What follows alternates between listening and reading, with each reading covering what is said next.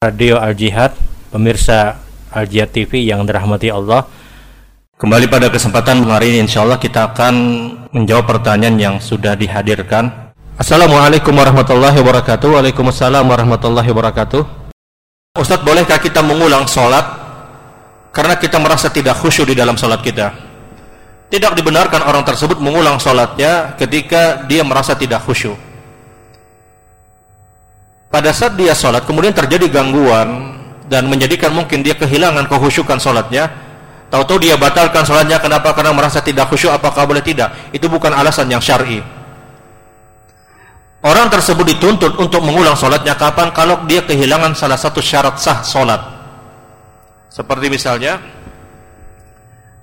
di dalam sholat ternyata dia sadar dialah orang yang belum berudu maka dia batalkan sholatnya dan dia ulang sholatnya seseorang yang di dalam sholat dia kehilangan salah satu syarat sah sebelum sholat maka dia diperintahkan untuk mengulang sholat seperti ulama berbeda pendapat orang yang sholat tidak menghadap ke arah kiblat misalnya. Apakah dia ulang sholatnya sebagian ulama menyatakan dia ulang sholatnya sebagian ulama lain menyatakan dilihat.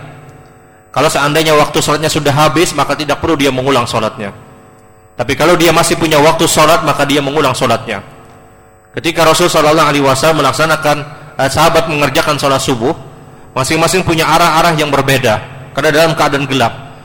Selesai subuh, kemudian waktu sudah terang, para sahabat mendapatkan mereka tidak mendapatkan kiblat yang semestinya mereka dapatkan. Mereka mengadu kepada Rasulullah, maka Rasulullah menyatakan tidak mengapa kata Rasulullah. Kenapa? Karena hal yang demikian perkara-perkara yang dimaafkan. Kenapa sudah habis waktunya? Tapi kalau sudah uh, belum habis waktunya, maka dia mengulang sholatnya. Berkaitan dengan ketidakkhusyukan di dalam sholat, apakah dia mengulang sholat? Tidak. Dia tidak boleh untuk mengulang sholat. Karena khusyuk di dalam sholat itu bukan syarat sah seseorang itu mengerjakan sholat. Tidak. Khusyuk di dalam sholat itu bukan syarat sah. Dan sulit untuk kita katakan mohon maaf, kita mampu berada pada kekhusyukan di dalam sholat dari takbir sampai salamnya kita. Kalau dijadikan syarat sah khusyuk di dalam sholat, mayoritas sholat kita itu harus diulang. Mayoritas sholat kita harus diulang. Wallahu a'lam.